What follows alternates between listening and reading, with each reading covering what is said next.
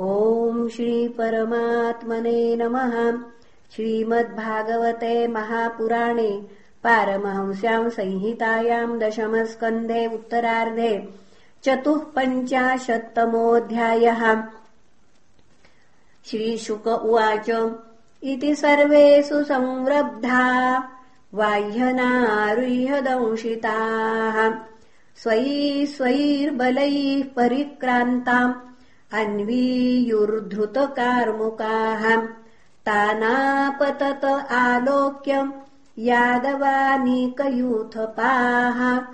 तस्थुस्तः सन्मुखा राजन्न विस्फूर्ज स्वधनूषिते अश्वस्पृष्ठे गजस्कन्धे। रथोपस्थे च कोविदाः। मुमुचुः शरवर्षाणि मेघा अदृश्वपो यथा। पत्युर्बलम् शरासारैच्छन्नम् वीक्ष सुमध्यमा सव्रीडमैक्षत्तद्वक्त्रम् भयविह्वललोचना। प्रहस्य भगवानाह मा स्वभैर्वामलोचनीम् विनङ्शयत्यधुनैवैतत्तावकैशात्रवम् बलम् तेषाम् तद्विक्रमम् वीरा। गदसङ्कर्षणादयः अमृष्यमाणा नाराचैर्जघ्नुर्हयगजान् रथान्। पेतुः शिरांसि गजिनाम् भुवि। सकुण्डलकिरीटानि सोष्णीषाणि च कोटिशः। हस्तासासि गदेश्वासा करभा उरवोङ्घ्रयः अश्वाश्वतर नागोष्ठ खरमर्त्यशिरांसि च। हन्यमानबलानीका वृष्णिभिर्जयकाङ्क्षिभिः। राजानो विमुखा जग्मुर्जरासन्धपुरःसराः शिशुपालम् समेभ्येत हृतदारमिवातुरम् नष्टस्त्विषम् गतोत्साहम् शुश्वद्वदनमब्रुवन् भो भो पुरुषशार्दूल दौर्मनस्यमिदम् त्यज। न प्रिया प्रिययो राजन्निष्ठा देहिषु दृश्यते यथा दारुमयी योषिन्नृत्यते कुहकेच्छयाम् एवमीश्वरतन्त्रोऽयमीहते सुखदुःखयोः शौरैः सप्तदशाहम् वै संयुगानि पराजितः त्रयोविंशतिभिः सैन्यैर्जिज्ञ एकमहम् परम् तथाप्यहम् न शोचामि न प्रहृष्यामि कर्हिचित्। कालेन दैवयुक्तेन जानन् विद्रावितम् जगत् अधुनापि वयम् सर्वे वीरयूथपयूथपाः पराजिता फल्गुतन्त्रैर्यदुभिः कृष्णपालितैः रिपवो जग्गिरधुना काल आत्मानुसारिणि तदा वयम् विजेष्यामो यदा कालः प्रदक्षिणः एवम् प्रबोधितो मित्रैश्चैद्योगात् सानुगः पुरम्। हतशे पुनः हृत पुनः। हतशेषाः पुनस्तेऽपि ययुस्वम् स्वम् पुरम् नृपाः। रुक्मीतु राक्षसोद्वाहम् कृष्णद्विडसहन् स्वसुः। पृष्ठतोऽन्वगमत्कृष्णमक्षौहिण्या वृतो बलि। रुक्मामर्षि सुसंरब्ध। शृण्वताम् सर्वभूभुजाम् प्रतिजज्ञे महाबाहुर्दंशितः सशरासनः। अहत्वा समरे कृष्णमप्रत्यूह च रुक्मिणीम्। कुण्डिनन्न प्रवेक्ष्यामि सत्यमेतद्ब्रवीमि वहाम् इत्युक्ता रथमारुह्य सारथिम् प्राह सत्वरः चोदयाश्वान्यतः कृष्णस्तस्य मे संयुगम् भवेत्। अद्याहम् निशितैर्बाणैर्गोपालस्य सुदुर्मतिमतेः नेष्ये वीर्यमदम् येन स्वसामे प्रसभम् हृता विकथमानः कुमतीरीश्वरस्या प्रमाणवित्। रथेनैकेन गोविन्दम् तिष्ठ तिष्ठेत्यथा उभयत्। धनुर्विकृष्य सुदृढम् जघ्ने कृष्णम् त्रिभिः शरैः। आह चात्र क्षणम् तिष्ठ यदूनाम् कुलपांसन। कुत्र यासि स्वसारम् मे मुषित्वा भांशवद्धविः हरिष्येद्यमदम् मन्द मायिनः कूटयोधिनः। यावन्न मे हतो बाणै शयीथा मुञ्चदारिकाम्। स्मयन् कृष्णो धनुच्छित्त्वा षड्भिर्विव्याधरुक्मिणीम्। अष्टभिश्चतुरो वाहान्। द्वाभ्याम् सूतम् ध्वजम् त्रिभिः स चान्यद्धनुरादाय कृष्णम् विव्याध पञ्चभिः तैस्ताडितः शरौघैस्तु चिच्छेदधनुरच्युतः पुनरन्यदुपादत्त तदप्यच्छिनदव्ययः परिघम् पट्टिशम् शूलम् चर्मासि शक्तितोमरौ यद्यदायुधमादत्त तत्सर्वम् सोच्छिनद्धरिः ततो रथादवत्क्लृत्य खड्गपाणिर्जिघांसयाम् कृष्णमभ्यद्रवत्क्रुद्धः पतङ्ग इव पावकम् तस्य चापततः खड्गम् तिलशश्चर्म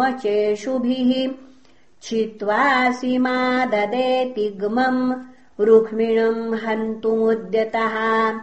दृष्ट्वा भ्रातुर्वधोद्योगम् रुक्मिणी भयविह्वला पतित्वा पादयोर्भरतुर्वाच करुणम् सती।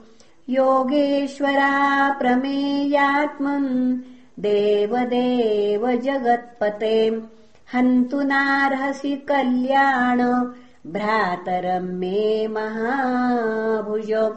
श्रीशुक उवाच तया परित्रासविकम्पिताङ्गया शुचावशुष्यन्मुखरुद्धकण्ठया कातर्यविस्रंसितहेममालया गृहीतपादः करुणो न्यवर्तत चैलेन बद्ध्वा तमसाधुकारिणम्। श्मश्मश्रुकेशम् प्रवपन्न व्यरूपयत् तावन्ममर्दुः परसैन्यमद्भुतम्। यदुप्रवीरानलिनीम् यथा गजाः कृष्णान्तिकमुपव्रज्य ददृशुस्तत्र रुक्मिणम् तथा भूतम् हृतप्रायम् पुनः तथा भूतम् हतप्रायम् दृष्ट्वा सङ्कर्षणो विभुः। विमुच्य बद्धम् करुणो। भगवान् कृष्णमब्रवीत। असाधिद् पुनः असाध्विदम् त्वया कृष्णो। कृतमस्मज्जुगुप्सितम् वपनम् श्मश्रुकेशानाम् वैरूप्यम् सुहृदोवधः मैवास्मान् साध्वयूत्से पुनः मैवास्मान् साध्वसूयेथा भ्रातुर्वैरूप्यचिन्तयाम् सुखदुःखदो न चान्योऽस्ति। यतः स्वकृतभुक् पुमान् बन्धुर्वधार्हदोषोऽपि न बन्धोर्वधमर्हति त्याज्यस्वेनैव दोषेण। हतः किम् हन्यते पुनः? क्षत्रियाणामयम् धर्म प्रजापतिविनिर्मितः भ्रात्रा पुनः भ्रातापि भ्रातरम् हन्यात् येन घोरतरस्ततः। राज्यस्य भूमेर्वित्तस्य स्त्रियो मानस्य तेजसः मानिनोऽन्यस्य वा हेतो श्रीमदान्धा क्षिपन्तिः तवेयम् विषमा बुद्धिः सर्वभूतेषु दुर्हृदाम्।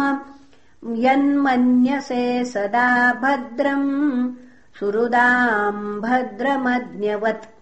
आत्ममोहो नृणामेष कल्प्यते देवमाययाम् सुहृद्दुर्हृदुदासीनो इति देहात्ममानिनाम्। एक एव परो ह्यात्मा सर्वेषामपि देहिनाम्। नानेव गृह्यते मूढैर्यथा ज्योतिर्यथा नभहाम् देह आद्यन्तवानेश द्रव्यप्राणगुणात्मकः। आत्मन्यविद्यया क्लुप्तः। संसारयति देहिनम्। नात्मनोऽन्येन संयोगो वियोगश्चासतः सति तद्धेतुत्वात् तत्प्रसिद्धेर्दृग्रूपाभ्याम् यथारवेः। जन्मादयस्तु देहस्य विक्रियानात्मनः क्वचित् कलानामिव नैवेन्दोर्मृतिर्ह्यस्य कुहूरिव।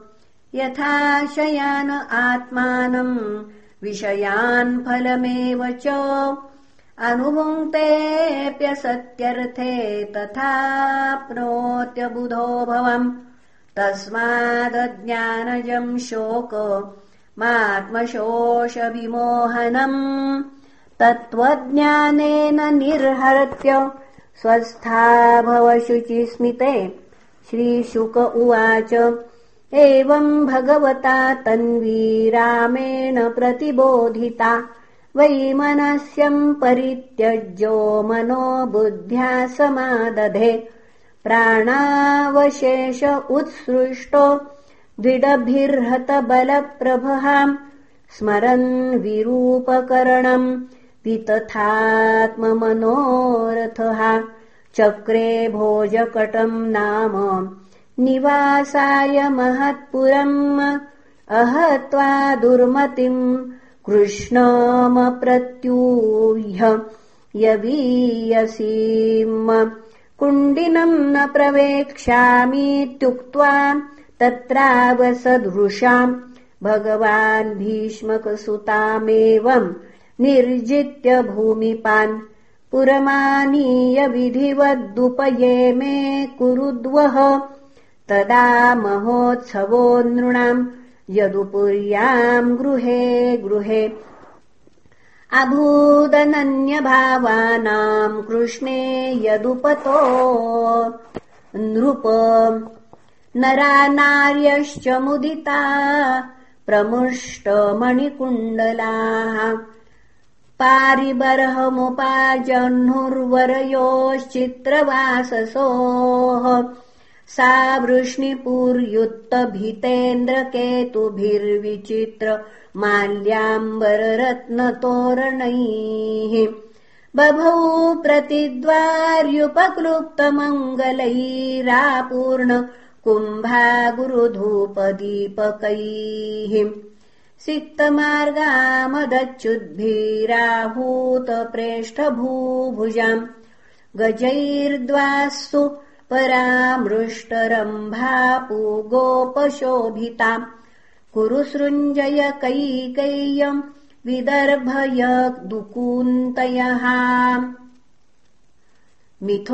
मुमुदिरे तस्मिन् सम्भ्रमात परिधावताम् रुक्मिण्याहरणम् श्रुत्वा गीयमानम् ततस्ततः राजानो राजकन्याश्च बभूर्वुर्वृषभिस्मिताः द्वारकायामभूद्राजन् महामोदः पुरौकसाम् रुक्मिण्या रमयोपेतम् दृष्ट्वा कृष्णम् श्रियः पतिम् इति श्रीमद्भागवते महापुराणे पारमंस्याम् संहितायाम् दशमस्कन्धे उत्तरार्धे रुक्मिण्युद्वाहे चतुः पञ्चाशत्तमोऽध्यायः श्रीकृष्णार्पणमस्तु।